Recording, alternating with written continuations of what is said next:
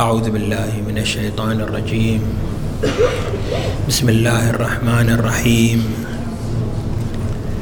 الحمد لله رب العالمين خالق الخلق أجمعين باعث الأنبياء والمرسلين.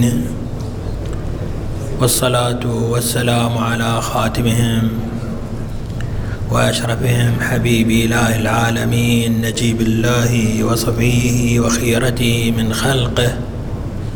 أبي القاسم محمد.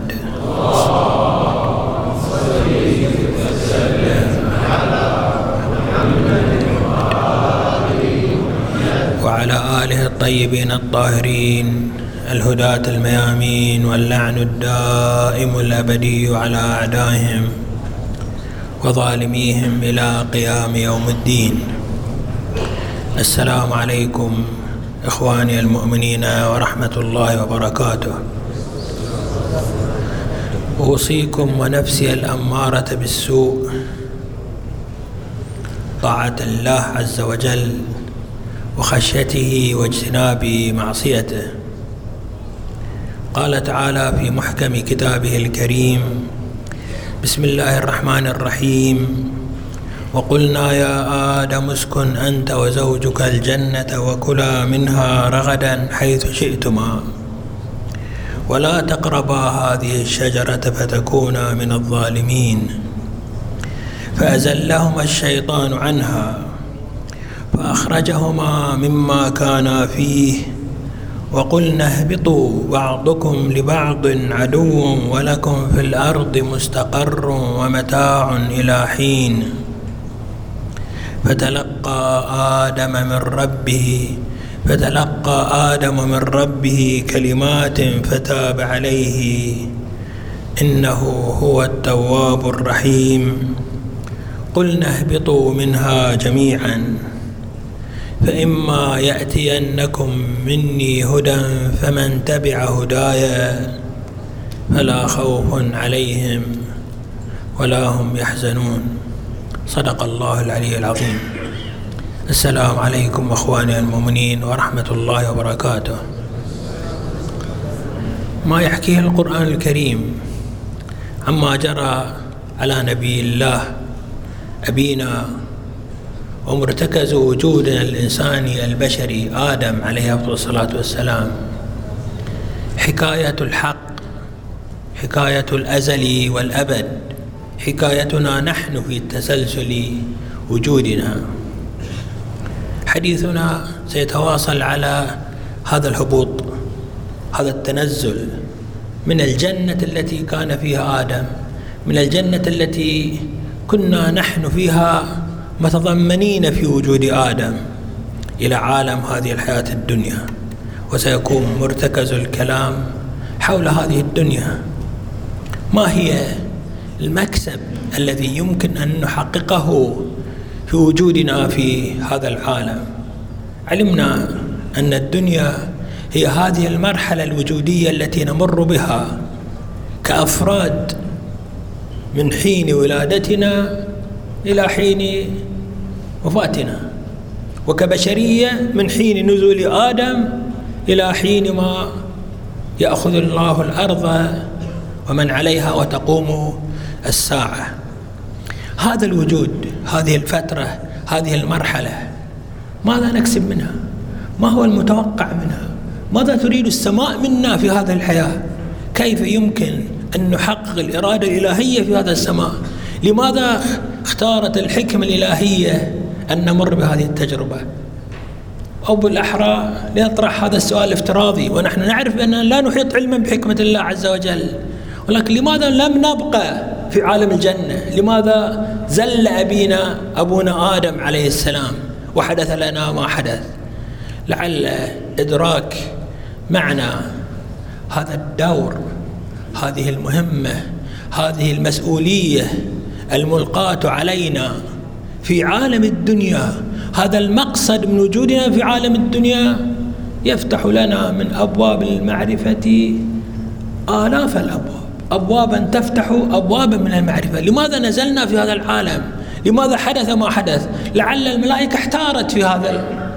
ولكن نحن نريد أن نشير إلى بعض الجوانب التي يمكن أن ندركها في قضية نزولنا في هذه الدنيا. أشرنا ربما في خطبة سابقة إلى أنه قد ننظر إلى الجانب المظلم في هذه الدنيا ونقول أن ما رأيناه من هذه الدنيا هو هذا الذي رأته الملائكة. الإفساد وسفك الدماء. هذا الانحرافات هذه ال... ولكن في الحقيقة يجب علينا أن ننظر إلى الأصل في وجودنا هذه الدنيا. هذا الانحراف وهذا الإفساد الذي يحدث من البشرية وهذا الخلل الذي نقع نحن فيه. قضية عرضية ليست أساسية. الأصل في هذه الدنيا شيء آخر. الحاجة لهذه الدنيا ودور هذه الدنيا ووظيفتها وتأثيرها في وجودنا دور تكويني ضروري. حتى نكون من أهل الجنة لابد أن نمر في هذه الدنيا. ليس هناك طريقة ليس هناك وسيلة أن نكون من أهل الجنة إلا أن نمر بهذه المرحلة مرحلة الدنيا. وبالطبع علينا أن نفرق بين الجنة الأولى التي كنا فيها ونسميها بجنة الفطرة جنة آدم. والجنة الثانية التي نحن نأمل ونترجى أن ندخلها وأن نصل إليها. نحن كما كان آدم نبينا عليه الصلاة والسلام. لنا طموح لنا رغبة إننا إن لنا في الله عز وجل أملا طويلا. نحن نرجو أن تفتح لنا أبواب الخيرات على أوسعها. أبواب الرحمة والنعمة والعطاء والفضل الإلهي على أكمله. وذلك لا يتحقق إلا بمرورنا, في هذا العالم واستزادتنا من هذا الوجود وخروجنا من هذا العالم ونحن نحمل في طياتنا في داخل قلوبنا الاستحقاق أن نكون من أهل جنة الكمال. جنة خرجنا من جنة آدم. ونريد في الحقيقة وإن شاء الله يتبين لنا نريد أن ندخل إلى جنة محمد صلى الله عليه وآله.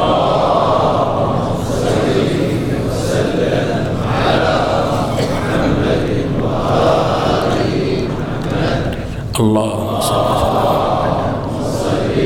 وسلم على محمد وآل محمد اللهم صل وسلم على محمد وآل أول فارق بين الجنة التي كنا فيها الحالة التي أعطاها الله لأبينا آدم بدون اختبار وبدون امتحان كرما ابتدائيا منه وبين الجنة التي نأمل أن نبلغها هي التمايز. الله عز وجل أراد أن يظهر أهل الفضل أهل الخير أهل الصلاح من أهل الفساد. أهل الانحراف. أراد أن يتميز هذا الوجود. أراد أن يتضح الصادق من الكاذب الساعي إلى الخير من الساعي إلى الشر الظالم من العادل المحسن من المسيء. فكانت هذه التجربة الدنيوية. يقول الله عز وجل فلا تعلم نفس بيان واقع أهل الفوز الفلاح. فلا تعلم نفس ما أخفي لهم من قرة أعين. جزاء بما كانوا يعملون أفمن كان مؤمنا كمن كان فاسقا لا يستوون. الله عز وجل حكمت حكمته وإرادته ونعمته وفضله على أن يميز الظلمة من أهل العدل ومن أهل الصلاح. وأمير المؤمنين صلوات الله وسلامه عليه يبين لنا هذه الحقيقة على أنها كرامة إضافية من الله عز وجل نعمة من الله عز وجل ابتدائية أن يميز المحسن من المسيء. يقول أمير المؤمنين صلوات الله وسلامه عليه وأنت جل ثناؤك قلت مبتدئا وتطولت بالإنعام متكرما أفمن كان مؤمنا كمن كان فاسقا. لا يستوون. العقل والحق والإدراك الواقع الأشياء أنه لا بد أن يتميز المحسن من المسيء والظالم من المظلوم وصاحب الحق من صاحب الباطل من الساعي إلى الحقيقة إلى الساعي إلى الضلال والانحراف. فكانت الإرادة الإلهية على أن يكون عالم الجنة الأخرى عالم الجنة المحمدية لا ينالها ولا يصل إليها إلا الصالحون. لا يصل إلى هؤلاء الظالمون المفسدون المنحرفون. سوف يمنعون من دخول هذه الجنة. الآن يصيرون في أول النار في, في النار. هذا ليس شأننا حديثنا على أنهم لن يكونوا من أهل هذه الجنة التي أرادها الله عز وجل أن تكون كمال الخير وكمال النعمة. هذا أول فارق بين جنة آدم جنة الفطرة وجنة الخلافة. جنة كما سميناها جنة محمد صلى الله عليه وآله. اللهم صل على محمد وعلى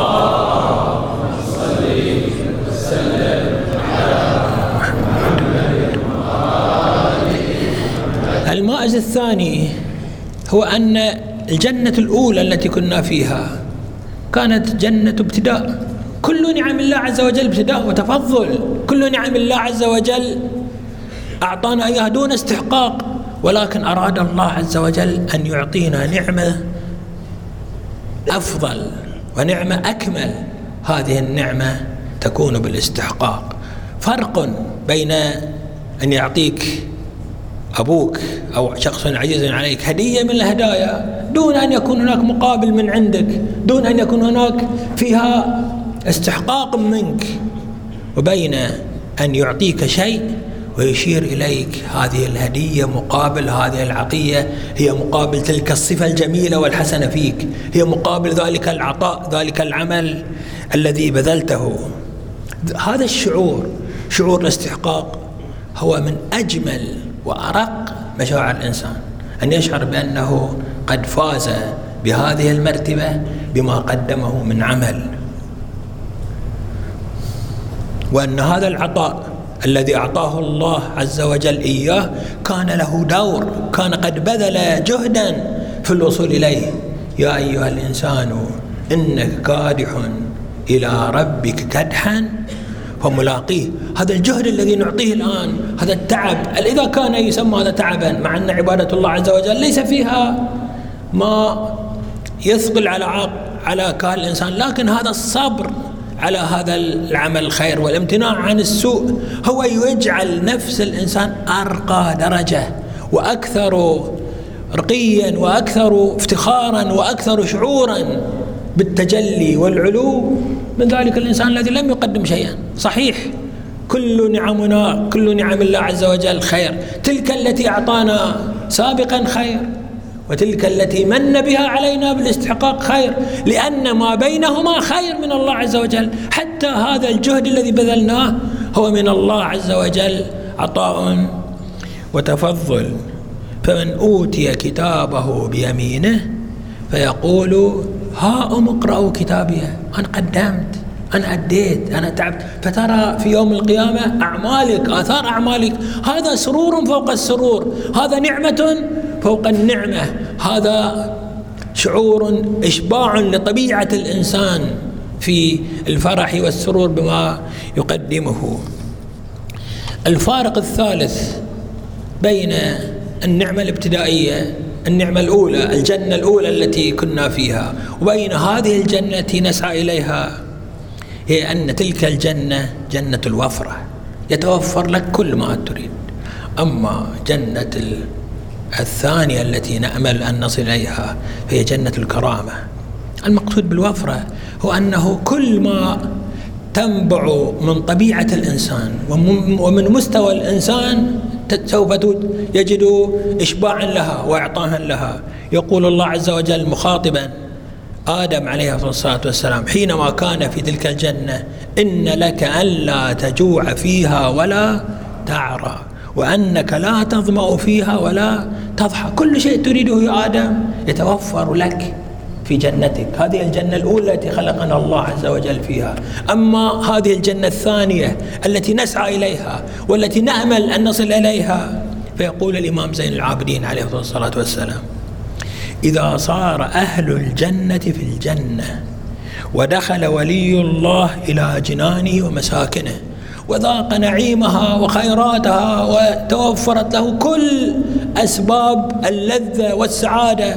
يقول الإمام زين العابدين عليه الصلاة والسلام ثم إن الجبار يشرف عليهم فيقول لهم هل أنبئكم بخير مما أنتم فيه؟ هناك شيء خير من مجرد إشباع رغبتك بالأكل والشرب والنعيم والجنات والأنهار والحور والقصور هناك شيء أعلى من ذلك. ما هو؟ فيقولون وأي شيء خير مما نحن فيه؟ كل ما نتمناه كل ما نتطلع إليه كل ما تتشوق إليه أنفسنا وجدناه. فيقول الله عز وجل فيقول لهم تبارك وتعالى رضاي عنكم ومحبتي لكم خير وأعظم مما أنتم فيه. ثم يقول زين العابدين عليه أفضل الصلاة والسلام ورضوان من الله أكبر.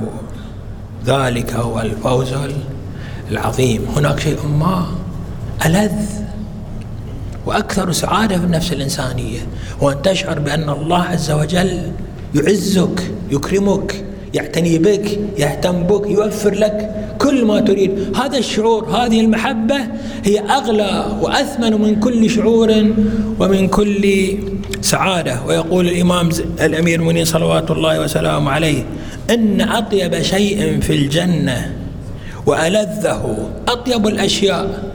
إن أطيب شيء في الجنة وألذه. إن أطيب شيء في الجنة وألذه حب الله والحب في الله عز وجل. هذا الحب هو أعلى درجة من كل السعادات التي تخطر في بال الإنسان. المائز الرابع هو الإطلاق في نعيم الجنة الأخروية. والمقصود بالإطلاق أن تكون اللذائذ ليست في أعلى الدرجات فقط وإنما ليس لها حد في لذتها. ليس هناك درجة تصل إليها لذائذ الجنة. يقول الإنسان فيها بلغت تلك الحد من من اللذائذ. قال تعالى وأزلفت الجنة للمتقين غير بعيد. هذا ما توعدون لكل أواب حفيظ. من خشي من خشي الرحمن بالغيب وجاء بقلب منيب ادخلوها بسلام. ذلك يوم الخلود. لهم ما يشاءون فيها. ما يمكن أن يصل إليه فكرك وعقلك ومحبتك ورغبتك توفر لك تتوفر لك. لكن ليس هذا هو الحد الأخير. لهم ما يشاءون فيها ولدينا مزيد. هناك شيء ما ليس للإنسانية ليس للعقل البشري ليس للقدرة الإنسانية أن تتأمل جماله وسعادته ولذته سوف يكون لك أيها الإنسان المؤمن إذا أنت وصلت إلى هذه الجنة الخامس. ولكن قبل أن أشير الخامس من الفوارق أريد أن أقول إن كل هذه المزايا هي مزايا يجب أن تأخذها معك الآن في عالم الدنيا عن حديثنا مو حديث عن جمالات الجنة حديثنا عن نحن الآن في عالم الدنيا. ماذا نريد؟ إذا لم نفهم ماذا نريد لا نفهم ماذا ماذا نحصل وماذا نسعى إليه وماذا نعمل. نحن يجب أن نؤسس لكل هذه الجمالات اليوم في هذا العالم الآن في هذا الوجود. هذه الدنيا ما خلقت إلا لكي ننهل منها ما نريده في الآخرة.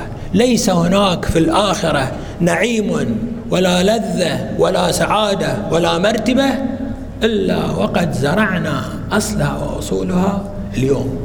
بهذه الصلاة التي تصلونها بهذه الطاعة بهذا الوقوف في وجه الانحراف بهذا الثبات عند الحق بهذا التمسك بأهل الحق تحقق تلك المزايا.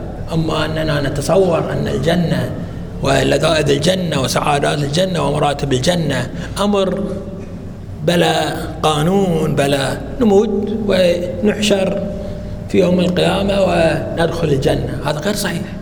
ما نريده في الجنة يجب أن نزرعه اليوم. هذه الدنيا. إذا تذكرون أنا أشرت إلى عبارة أنه في لحظة من اللحظات في ساعة من الساعات حينما تنكشف لنا حقائق الأمور نتمنى يوما واحدا في الدنيا يوما واحدا في الدنيا نصح في حالنا. نستغفر فيه ربنا نسبح فيه لله عز وجل نسجد لله عز وجل يوم يدعون إلى السجود. فلا يستطيعون. يوم القيامة ما فائدة. ما تقدر تقدم شيء لا تقدر تسجد لا تقدر تقول سبحان الله. ما ينفع ما يسوي لك شيء. إذا أردت أن ترقى درجة في الجنة فعليك أن تقرأ القرآن اليوم. إذا أردت أن ترقى لك نصيب في الجنة فعليك أن تتصدق على الفقراء اليوم وفي هذا العالم. إذا أردت أن يكون لك نصيب في كرامات الله عز وجل وفي تلك الدرجات فعليك أن تسعى اليوم لنيل هذه المراتب. عليك أن تزرع هذه الحقائق اليوم قبل الغد المائز الخامس والأخير. وأظن حسب يعني تتبعي أنه أصل كل هذا الذي ذكرناه. وأساس كل هذا الذي ذكرناه. ولعلي أترك السادس إلى مرة أخرى ولكن أتوقف عند الخامس لأني أعتقد بأنه هو أساس كل الكمالات التي نتمناها. قال تعالى ومن يطع الله والرسول فأولئك مع الذين أنعم الله عليهم من النبيين والصديقين والشهداء والصالحين وحسن أولئك رفيقا كل هذه المراتب لن نحققها ولن ننال منها شيئا إلا بالمعية لمحمد وآله صلوات الله وسلامه عليهم أجمعين.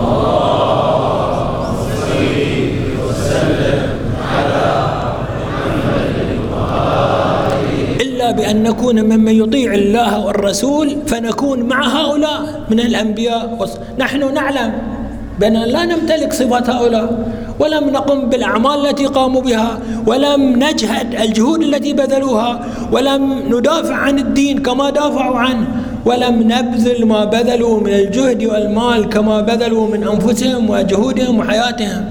ولكن نتمنى أن نكون معهم. نتمنى أن ننال هذه المراتب بشفاعتهم. نسأل الله عز وجل بالنبي وآله صلوات الله وسلامه عليهم أجمعين. أن يصلي على محمد وآل محمد وأن يحشرنا وإياكم وآبائنا وآباءكم جميعا وأمهاتنا وأمهاتكم جميعا في زمرة محمد وآله الطاهرين. والحمد لله رب العالمين وصلى الله على محمد وآله الطيبين الطاهرين.